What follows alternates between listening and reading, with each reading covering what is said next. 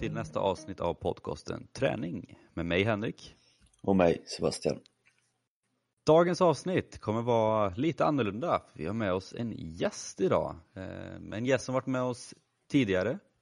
En gång tror jag. Eh, mm. Men det har varit snack på många gånger och han själv har velat vara med igen efter sin debut så att han har tjatat och tjatat och nu känner vi att vi kunde inte motstå längre utan nu är han eh, här igen. Nybliven magister, Filip Larsson. Hallå, hallå! Kul att vara här igen. Kul ja, att ha dig. Riktigt kul att ha dig. Som sagt, det har kommit upp flera gånger men det är väl bara att vi ska ha hittat ett tillfälle som ska funka. Jo men precis, passa in i schemat och allting. Exakt. Så eh, dagens avsnitt kommer egentligen vara lite liknande som eh, när vi gick igenom min magisteruppsats och idag ska vi faktiskt gå igenom Filips magisteruppsats och ja, rubriken på den är Aktiva svenska elitidrottares kunskaper om kost. Hur upplever aktiva elitidrottare deras föreningars hjälp runt kunskap om kost? Och det är ju då ett arbete som eh, Filip har skrivit och eh, blivit godkänd inom så att eh, lite annorlunda mot mitt som var lite mer fokuserat mot coachning och Filip har egentligen ja, genom ja, många av eh, de här fyra åren jag läst i alla fall fokuserat mycket på eh, kost. Om jag har rätt. Jo men det stämmer, det stämmer. Det har varit ett, eh, vad ska man säga, ett intresseområde inom idrottsvetenskap.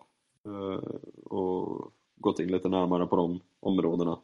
Alltifrån kunskap och olika, olika metoder inom kost som kan hjälpa prestationen eller idrottsliga välmåendet. Sen eh, innan vi går in på själva innehållet i uppsatsen, vi bara drar den klassiska som nästan blev en chock på vår eh, examination där, just att eh, du valde att skriva din uppsats på engelska också. Ja, jo, det, jag gillar att, man, att examinatorn blev förvånad över det. Eh, men eh, ja, jag valde att skriva det på engelska. Jag tyckte att dels är det en utmaning, för tanken är ju att jag ska skriva en master om eh, ett år. Och, så jag kände att eh, det kan vara en rolig utmaning att testa sig själv lite eh, på engelska språket och akademiskt skrivande. Så det var egentligen det. Och sen har min handledare, jag visste inte om han kunde svenska, så det bara föll in på att det blev engelska. Vilket är väldigt bra då, för att när den här då kommer ut på nätet sen, då kan ju alla ni som lyssnar, om ni har några internationella vänner eller familj eller någonting, då kan ju de också läsa arbetet. Så att eh, Filip har ju tänkt igenom det när han valde att skriva sin uppsats. Absolut. Men om vi då går in då på själva uppsatsen, så varför valde du att skriva om just eh, detta? Eh, jag valde att skriva om det eftersom dels tycker jag att det är ett väldigt intressant ämne att undersöka just kunskapsnivån Eh, bland eh, idrottare. Eh, för det är någonting jag känner att det kanske inte är upplyst så mycket. Om man jämför med exempelvis hur man ska träna och allt det här. Och sen så skrev jag min kandidatuppsats inom samma område. Fast inte alls med lika specifik målgrupp, utan då var det mer bredare. Och jag tyckte att resultatet där gjorde det väldigt intressant och eh, alltså, fördjupa sig ännu mer inom det. Och sen även så är det någonting som inte har skrivits jättemycket om i tidigare forskning. Eh, så jag tyckte att det skulle vara kul att undersöka med svenska elitidrottare och se hur resultatet blev där jämfört med internationella eh, studier. Varför skulle du säga att det här är liksom viktigt? Eh, jag, skulle, jag skulle säga att det är viktigt eh, dels på grund av att alltså, det finns eh, vis, alltså, lite, vad ska man säga, tecken på att eh, en individ som har bättre kunskap om kost har också en bättre kosthållning. Och det, det vet ju ni som är insatta inom idrott att en elitidrottare eller en idrottare som strävar till att bli så bra som möjligt måste ju ha en bra kost också för att kunna matcha upp med all eh, fysisk påfrestning. Eh, så mycket på grund av det så tycker jag att det här området är viktigt. Och sen också alltså, en bra kost eller en bra kost, eh, kunskap om kost påverkar ju även psykiska välmåendet. Så det är ju främst de två områdena Eh, som har gjort att jag tycker att det är ett intressant ämne. Ett viktigt ämne, viktigt ämne, förlåt. Nej, jag kan inte annat än att hålla med. Som sagt, det speciellt att, eller jag tycker ju att det blir lite roligare och speciellt lite viktigare att ta med. Som sagt, att det kan lätt bli att det glöms av i alla fall. Det har alltid varit min eh, syn kring det. Och vi kommer väl kunna diskutera lite det sen, just hur resultatet är. Men som sagt, det är viktigt att ta med allting som kan påverka just elitidrott. Ja, men precis. Och ni som har hängt med vår podcast länge också vet ju att eh, även Sebastian har ju testat rätt mycket kring kost och liknande och mellan oss två så har väl han fokuserat mer på kosten än vad jag har gjort också. Så att... Jo, känner, det, nu, nu blir jag så himla blyg nu Filip för mig känner jag. Att jag så bara, jajamän, jag har också, jag kan protein och grejer. Men, eh, ja. men intresset har ju alltid funnits som sagt just där att se just hur kan man optimera eh, träningen med hjälp av dieter, olika eh, kostintag, kaloriintag. Mm. Eh, det, är, det är så himla stort när man faktiskt börjar att dyka in i det. Det är väl det som gör att man förstår det lite man vet, men eh, jag tycker ju sånt här borde forskas mer om. Ja, det är ju det är en djungel om man säger så. Det... Och det kommer väl aldrig egentligen Alltså forskningen kommer ju aldrig ta slut inom kostvärlden heller liksom, utan det kommer ju alltid fortsätta. Ja, herregud. Jag tror snarare det kommer att öka mer i framtiden. Forskningen kring det. Och dels olika riktområden inom kost. Alltså om man ska forska mer inom kost med fokus på prestation och återhämtning eller fokus kost till exempelvis, ja, men, om vi går till mer allmänt då, eh, fokus på att gå ner i vikt eller något sånt där. Jag tror det kommer bli väldigt mer specifika forskningar, eh, forskningsarbeten kring eh, kost. Ja, och det är ju bara bra på ett sätt också, blir, slipper man läsa igenom massa forskningstexter som är alldeles för breda utan det är roligare att fokusera mer på djupdykarna. Mm, exakt, Ty exakt. Tycker jag i alla fall. Eh, men du nämnde ju tidigare lite där i din introduktion där att eh, du valde att skriva om det här för att det inte fanns så jättemycket forskning om det. Nej. Men eh, den lilla forskning som finns då tidigare, vad, vad säger de om det här ämnet? Liksom, har elitidrottare bra kunskap om kost eller hur skiljer det sig mycket liksom från olika idrottare eller någonting, eller hur, hur ser det ut? Eh, alltså rent eh, överlag, om man ser rent överlagsmässigt så är ju majoriteten av tidigare forskningar eh, kring ämnet ganska gemensamt och det är ju att kunskapsnivån inte är eh, tillräcklig bland de flesta idrottarna. Om man ser till både allmänna idrottare och sen elitidrottare. Nu har det inte gjorts så himla många forskningsarbeten i i Norden förutom en i Finland och där var samma sak där med att eh, kunskapsnivån inte var eh, tillräckligt hög enligt, eh, enligt eh, forskarna som gjorde arbetet. Men det är ju främst eh, forskningsarbeten i USA och forskningsarbeten i Australien eh, som har gått in mer på det här ämnet och där har det varit ganska gemensamt också att kunskapsnivån inte är tillräcklig. Sen så har det ju varit lite problem med tidigare forskning att de har inte riktigt haft en gemensam bedömningsmall eh, och kunna utvärdera resultaten de har fått ifrån, eh, ja men om de har gjort en kvantitativ undersökning eh, och skickat ut enkäter så har de inte riktigt kunnat haft någon, ja men betygskriterier för att ha tillräckligt med kunskap eller icke tillräcklig kunskap. Utan det har ju oftast varit eh, forskarnas individuella bedömning eh, utifrån resultatet. Eh, men ja, gemensamt så har kunskapsnivån varit relativt eh, låg. Det blir lite konstigt alltså på ett sätt om man tänker liksom att men det vet ju vi nu, vi skrivit både, ja man räknar med biuppsatsen då så är det ju ändå, vi skrivit tre uppsatser, där har det varit väldigt noga liksom att det ska nästan vara svart på vitt alltihopa, liksom vad, vad som gäller och vad man får fram och allting. Och det blir ju då lite konstigt när, i sådana här fall, liksom, när det nästan blir forskarnas egna bedömning mm. om de var bra eller inte. För då blir det så här, men frågar man någon så kanske någon tycker att de, de var jättebra, så frågar man någon annan bara, men de var inte alls bra liksom. Det, det blir lite konstigt som sagt när det inte finns någon, något klart eh, bedömningsmall där som du sa. Att... Nej men precis. Det, sen såklart har det ju funnits eh, även arbeten som har haft eh, bedömningsmall. Eh, och det är de jag egentligen har ut, utgått främst ifrån eh, när jag har bedömt eh, men, tidigare forskning runt området. Eh, men det är ju oundvikligt med tanke på att det inte har gjort så många eh, så är det ju oundvikligt att inte ta med eh, tidigare forskning som har gått mer på den individa bedömningen. Vad är det de här andra eh, forskningarna har visat då? Vad är, det, är det något specifikt man kan se att det här är det de faller på, det här är det de är lite starkare på? Om man försöker då förenkla det lite. Nej, om man ser till tidigare forskning, det de har gjort, eh, samma sak som jag också gjorde, var ju att vi, att man eh, delade in eh, olika områden inom kost. Eh, exempelvis kunskap om eh, makronäringsämnen eller mikronäringsämnen eller kunskap om eh, kosttillskott eller kunskap om eh, viktkontroll eh, och så vidare.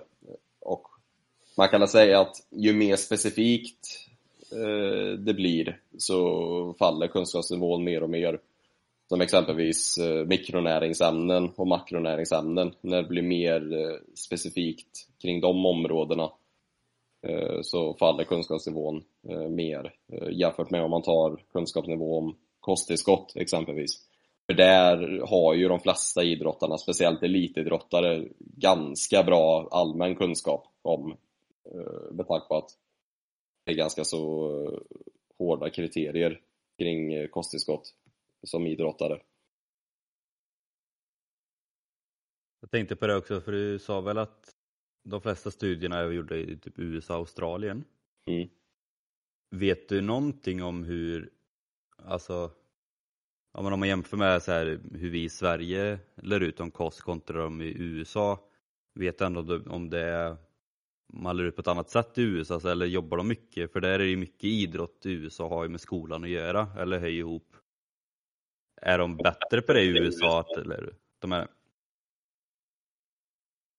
Mm, svårt att säga. Uh, det, det var ingenting jag riktigt uh, gick djupare på eh, i mitt arbete. Självklart så pratade jag om det när jag, när jag redovisade att förutsättningarna är ju annorlunda från eh, vilket land du är i eh, som idrottare och speciellt som elitidrottare ifall du får stöd ifrån något förbund eller region. Eh, samma sak kan det ju vara i USA med ifall vi pratar college-idrottare utifrån hur mycket stöd får de ifrån sina tränare eller lärare, hur mycket utbildning får de. På samma sätt är det ju i Australien med. Eh, men jag, jag, tror ändå att Sverige är ganska så långt framme när det kommer till att hjälpa eh, sina idrottare. Eh, speciellt då idrottare som har koppling till landslag och alltså toppskiktet i sina regioner. Jag skulle nog inte säga att USA eller Australien är före på det sättet när det kommer till just eh, att hjälpa kring kunskap om kost. Det är inte helt kört med andra ord. Vad sa du? Det är inte helt kört med andra ord för Sverige? Nej, absolut inte. Absolut inte. Eh, om vi går vidare sen då, vad, vad hade du liksom för urval och metod och liknande? Vilka, vilka var med i din studie och vad, hur var liksom studien upplagd? Eh, de som var med i min studie var eh, idrottare inom eh, Riksidrottsuniversitet i Sverige. Och mer specifikt så var det idrottare då, som tillhörde Göteborgs universitet, Chalmers universitet, Malmös universitet och sen eh, mitt universitet. Eh, Det var de, eh, så det var idrottare ifrån de olika universiteten. Sen fick jag även eh, andra universitet förfrågan eh, till att delta, men fick ingen respons tillbaka. Och ja, jag tar och nämna dem med, jag vet inte hur, ifall man ska snacka illa om dem eller sådär, men Eh, de, de, som eh, fick förfrågan med var ju Umeå eh, bland annat och eh, ska se, vilken var den sista? Minnet är sådär. Eh,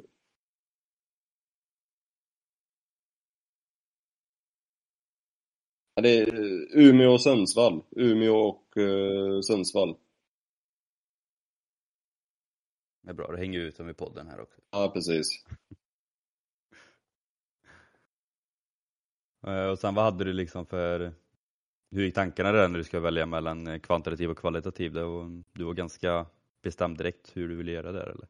Ja, jag anser att uh, den här typen av undersökning och den här typen av uh, frågeställning passar sig bäst till kvantitativ metod.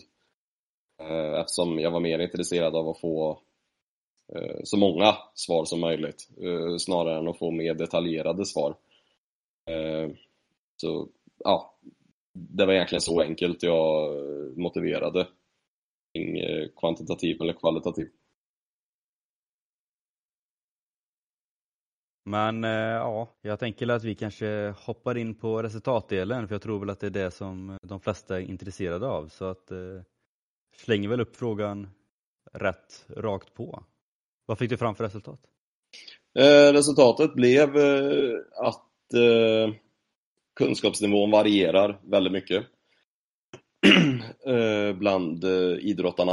Eh, man ser till eh, totala så var det 68 procent eh, i korrekt antal svar eh, i enkäten som jag skickade ut, vilket räknas som bra man ser till bedömningskriterierna som jag använde, som eh, var mycket baserat ifrån tidigare forskning. Men däremot så ja, varierar den ju väldigt mycket. Eh, och eh, jag hade även olika kategorier bland idrottarna som deltog och en kategori var idrottare som hade tidigare utbildning inom kost på antingen universitetsnivå eller inom liknande. Och jag kan säga att de vägde upp eh, totala resultatet väldigt mycket. Eh, så ja, det var väldigt, hade varit väldigt intressant att se om de inte var med i denna undersökning och se hur resultatet blev då. Eh, och sen även så hade jag kategori lagidrottare och kategori individuella idrottare och det var ju samma sak där med, individuella idrottare svarar ju betydligt högre eh, i eh, antal rätt jämfört med lagidrottare. Eh, men ja, vad jag skrev i slutsatsen så var det att eh, resultatet totala eh, varierar väldigt mycket. Det beror på vilken kategori eh, i eh, frågeformuläret. Eh, så du skulle säga att det som sagt egentligen den största skillnaden var kanske mer mellan eh, individuell och lagidrott, kanske inte så stor skillnad mellan just själva idrotterna i sig, liksom till exempel fotboll kontra innebandy, är det så? Nej, så detaljerat gick jag aldrig. Eh, utan jag valde att dela upp bara lagidrottare och individuella idrottare. Eh, så, ja, nej, tyvärr så gick jag inte in just på specifika idrotter. Eh, jag tänker väl det, det är väl lite det som man kanske har tänkt innan, i alla fall jag hade väl den tanken innan jag började läsa det att eh, det borde kunna påverka lite. För som sagt det är just kunskapen från en coach eller liknande ska liksom förmedlas över till en bara när det gäller individidrotten. Och som sagt mellan ett lag då är det lite svårare att få med stora massan i sig och eh, ge alla samma information. Och ja, alltid någon som kan falla lite mellan stolarna där. Ja precis, uh, sen ja, nu talar jag bara från egna upplevelser, men jag upplever ju att individuella idrottare kanske väljer att eh, läsa på mer kring ämnet eh, på grund av att men, de är ensamma i det hela och kanske inte lika, som man säga, kanske inte lika låter fel om man säger det, men lika bekväma jämfört med lagidrottare. Eh, Ja. Alltså jag tycker ju om man diskuterar just själva resultatet, för det är väl ändå så lite det som vi känner att vi vill lägga stor vikt vid och eh, kunna diskutera just när vi har med dig, att eh, det är ju lite det där, det var en av mina första frågor som jag också har skrivit ner som även jag vet att Henke har skrivit ner här. Eh, liksom vem är det egentligen som har ansvaret när det gäller eh, en elitidrottares eh, kunskap just om kost och liknande? Eh, det går ju alltid att diskutera, som sagt att självklart tycker man ju att eh, själva idrotten måste ha någon form av kunskap. Men eh, det är ändå så deras jobb och liksom ändå så prestera på en hög nivå, vilket det brukar ju alltid finnas folk runt omkring sig som ska ha just ansvaret och kunna hjälpa dem med kosten och de i princip ska bara kunna få i sig mat och kunna prestera på en bättre nivå. Mm. Men har du haft någon tanke just hur hur skulle det kunna just påverka deras idrott om individen i sig har bättre eh, just kunskap kring kost? Tror du att det kommer göra så mycket skillnad i deras prestation om det är dem eller om det är en kock som de har som anlitat som har koll på det? Jag tror rent allmänt så tror jag nog en idrottare gör sig bättre om den själv har kunskap om kost bara för att de flesta idrottarna, speciellt yngre idrottare, har inga professionella kockar eh, i sitt hushåll. Eh, visst att föräldrarna kanske är bra på att laga mat men jag tror inte det är ja, någon så här alltså, super eh, näringsrik mat hela tiden som, eh, som erbjuds. Så jag tror en idrottare, oavsett om det är lagidrottare eller individuella idrottare, jag tror de gör sig bäst i att själv skaffa kunskapen om kost. För sen blir det ju också, man kan ju dra plussa ett och ett i att tänka att om man som idrottare vill göra som bäst eh, utifrån sin kapacitet eh, och den har kunskap om att eh, kost är viktigt för prestationen, då blir det ju ganska automatiskt att då försöker man ju äta så bra som möjligt ifall man är relativt seriös med sin idrott eller bara att man är väldigt tävlingsriktad och vill prestera som bäst. Jag tycker det är som sagt det, är en väldigt intressant sak för att det är många som i framförallt ung ålder som försöker alltid göra det här lilla extra eh, för just att kunna bli topp inom sin idrott. Men just kosten som vi borde förstå just i forskningen att det inte finns så mycket men även som man om man killgissar lite eller om man pratar sig runt omkring. Det är ingenting som har diskuterats i alla fall Eh, i min uppväxt. Jag har väl ändå varit med i en elitförening. Eh, det är klart att det har nämnts men det var ingenting man tänkte på och det är väl kanske framförallt i den åldern, kanske framförallt för eh, de eh, som man behöver bli lite fysisk och lägga på sig muskler som det här hade kunnat bli en riktig, riktig fördel om man just vill bli elitsatsande att ha koll på vad för mat man tryckte i sig när man växer och blir som störst helt enkelt. Mm. Ja men precis, precis. Det, och det är ju Visst att det här området inte är kanske lika mycket välstuderat så är ju däremot eh, kostens påverkan på en prestation väldigt välstuderat och ganska erkänt och viktig, viktig effekt. Verkligen. Eh, men vad, vad känner du skulle kunna bli lite bättre eh, just när inom elitidrotten med kosten? Tycker du att det ska utbildas mer eller ser du någon form av liksom lösning på att det kan bli bättre? Eh, jag personligen tycker la, eh, att eh, kunskapsområdet eh, ifrån många idrottsföreningar eh, borde höjas. Om inte det så borde eh, hjälpmedlen eh, förbättras.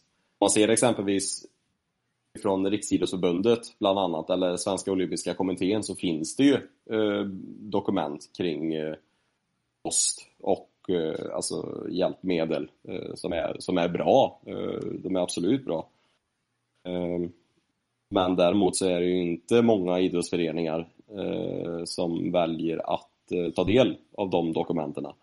Det gör även att idrottarna drabbas. Eh, så jag skulle vilja säga det främst att eh, som idrottsförening eller som idrottstränare försök få ut de här eh, dokumenten eller försök få ut kunskap eh, till sina idrottare. Eh, samma sätt som en idrottare lär sig i tidig ålder hur man ska träna utanför träningarna så tycker jag det här är minst lika viktigt.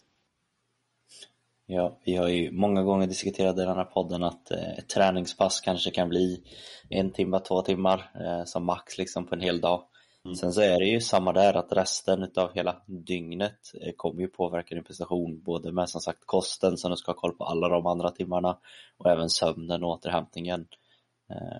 Och det är som sagt det, det tar kanske inte riktigt på allvar tycker jag att det känns lite som i alla fall. Nej men precis. Och jag, pers jag personligen tycker det är väldigt konstigt att eh, inte tas på allvar. Det, eftersom det är så himla väl studerat, eh, kostens påverkan. Men en annan fråga som jag vet att du lyfter i din studie som också har lite med det här att göra, som också är väldigt intressant, det är ju egentligen det här med att om vill idrottare ha kunskap inom det här ämnet? Och liksom vill de ha fortsatt kunskap eller något speciellt de vill lära sig om eller Känner de liksom att ja, men det är liksom överkurs, det, det vill jag inte bry mig om? Mm.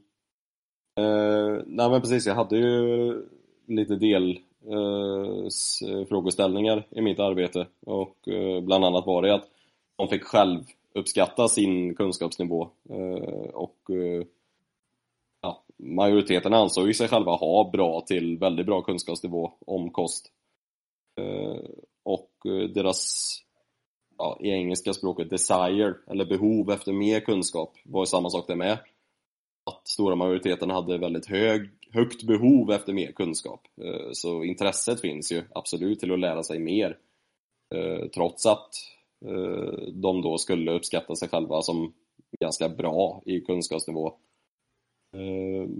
Så utifrån denna studien så är det ju att ganska uppenbart att kommer det ut mer dokument eller kommer det ut mer kunskapshjälpmedel så skulle idrottarna ta till sig det. Men jag tror också att det kan vara ett litet problem som sagt att om många självuppskattar sig att de har bra eller till och med väldigt bra kunskap tror jag att det kan också göra att de skiter i att ta i sig ny kunskap eller om de får till sig någonting för att de själva tror att de har koll. Sen visar det sig att de inte har så bra koll som de själva tror. Ja, det, det kan ju absolut bli eh, problem. Eh, det beror ju på, eh, alltså, om de känner att de har tillräckligt bra kunskap för att förstå men, modellen och liknande. Eh, eller om de anser sig själva ha tillräckligt bra kunskapsnivå för att kunna man, dag till dag äta bra mat, välja bra mat och välja rätt form av mat. Eh, det beror ju helt på hur de anser sig själva ha vad kunskapsnivån är. Eh, definitionen av kunskapsnivå. Eh, så ja, det är svårt. Eh, just kring den frågan. Hur om de skulle uppskatta sig själva ha för hög om de skulle uppskatta sig själva ha Det är svårt, det är svårt att fastna i huvudet här. Det blir lätt så. Ja. Men eh, om, man, om man tar samma fråga då, just där vi vill ha mer kunskap, eh, var det någon större tydlig skillnad där både mellan eh, lagidrott och individuellt där med i den frågan? Att kände lagidrottarna att de hade mer koll än individuella idrottarna? Eller hur såg det ut? Um, Nej, det var ju ganska så jämnt. Individuella idrottare ansåg sig själva ha lite bättre kunskap eh, än eh, lagidrottare. Eh, men ja, förvånansvärt så blev det ju ganska jämnt där. Så om man ska prata om självuppskattning, att man kanske uppskattar sin kunskapsnivå lite för hög jämfört med resultatet, så är det lagidrottare som får ta på sig det. Jag får det... ta, ta åt oss allihopa här då andra Ja, lite ja, så. Men, lite så. Är det väl stereotypisk, eh, någon skillnad där mellan eh, att man skattar sig lite högt mellan könen, mellan eh, kvinnor och män? Kunde du se något där? Nej, där var det väldigt jämnt faktiskt, eh, överlag i detta forskningsprojekt. Eh, män och kvinnor. Det var ingen specifik skillnad någonstans. borde vi tvinga idrottare att lära sig mer än kost, till exempel i ung ålder, att man liksom lägger in det som något moment i någon viss ålder liksom att ja, men, ska ni bedriva föreningsverksamhet till exempel så är det här någonting som ni måste, måste lära ut till era aktiva eller era idrottare eller tror du att det är för, för hårt för svensk idrott att säga just det här med att tvinga liksom folk eller tror du att det kan vara någonting som kanske Riksidrottsförbundet ska gå ut med liksom att om man ska bedriva föreningsverksamhet så behöver ni få med det här också liksom som ett lärandemoment. Det blir lite som i skolan där när man har ja, men, krav i olika ämnen, liksom, att ja, det här ska tillföras. Eller tror du att det, det, är viktigt också att skilja mellan liksom, ja, men, ja, kunskap och skola och idrott? Um, jag tror tvinga är nog fel metod. Uh, utan jag tror snarare upplysa om uh, hur viktigt kosten är uh, för en uh, prestation. Ehm, Ja, då kan det ju räcka att bara du som idrottare att du är tävlingsinriktad och vill prestera bättre jämfört med hur du presterade för ett år sedan, eller förra säsongen, eh, om man tar det som e- exempel. Då tror jag det kommer ju bli då automatiskt att, ja men, vet jag om att kosten betyder så mycket för min prestation, då vill jag ju lära mig mer om det. Eh, så jag tror nog snarare det är ett eh, bättre spår att gå än att försöka tvinga som, ja men, ibland det blir så i skolan, att man försöker tvinga att, ja, men, att det är viktigt. Men då blir det ju snarare att man bara lär sig för just det om, området eller det provet och sen släpper man den kunskapen. Uh, här så är det ju snarare viktigare att ha den kunskapen med sig resten av sin idrottskarriär. Och sen även i sitt liv uh, på grund av att den påverkar ju även ens prestation utanför idrotten påverkar ens prestation i skolan, ens prestation på jobbet, ens prestation ja, i allmänna livet. Och då skulle du egentligen rekommendera att föreningen åtminstone ja, men lyfter problemet och lyfter liksom fördelar med det och liksom försöker mm. skapa, ett, skapa ett intresse hos eh, sina aktiva istället? Ja men precis, precis. Eh, det, det kan vara allt ifrån att bara men egentligen, egentligen ha någon form av eh, presentation eller någonting. Föreningen anordnar en presentation och pratar om just viktigt det är snarare än att så här ska du göra. Mm. Det låter klokt. Jag, jag tror också det är som sagt eh, den smarta approachen att göra och kunna som sagt eh, ha sådana, vem vet, vad brukar man kalla det nu för tiden, temadagar, liknande. Det är ju sånt som redan nu används väldigt mycket och pratas och diskuteras och kanske framförallt inspireras. Det kanske är ett väldigt tydligt exempel, man vet ju alltid när någon från eh, A-lag kommer ner lite tidigare i yngre åldrar där det fortfarande kanske är just en elitsatsning att de ska komma upp i A-lag att även de kommer att motivera just kring just det här med kosten eh, för de motiverar ju kring allt annat tänker jag. Men det är också väldigt, alltså inom just det, sagt, ja men har man en uteidrott så är det jag vet inte, nu är ju ni visserligen handbollsspelare i grunden så ni kanske inte haft samma problem med väder som vi i fotbollen har haft, men liksom, där har det ju varit ganska många träningar som, som ställts in på grund av väder till exempel. Eller man har haft träning, alltså kanske ställts in för att man har haft match dagen innan liknande och man inte vill lägga på för mycket belastning. Sådana dagar är det ju perfekt egentligen att slänga in sig att ja, men, ja, men vi kan inte träna idag. Men däremot så kan vi köra ett eh, teoripass och ta upp sådana här saker istället. Liksom. Så att istället för att ställa in massa träningar så är det ju perfekt då att lägga in sådana här saker. Både sagt, kost, mental träning, teori, taktik, vad som helst. Liksom. Ja men precis. Precis. Det kan vara en bra metod att gå.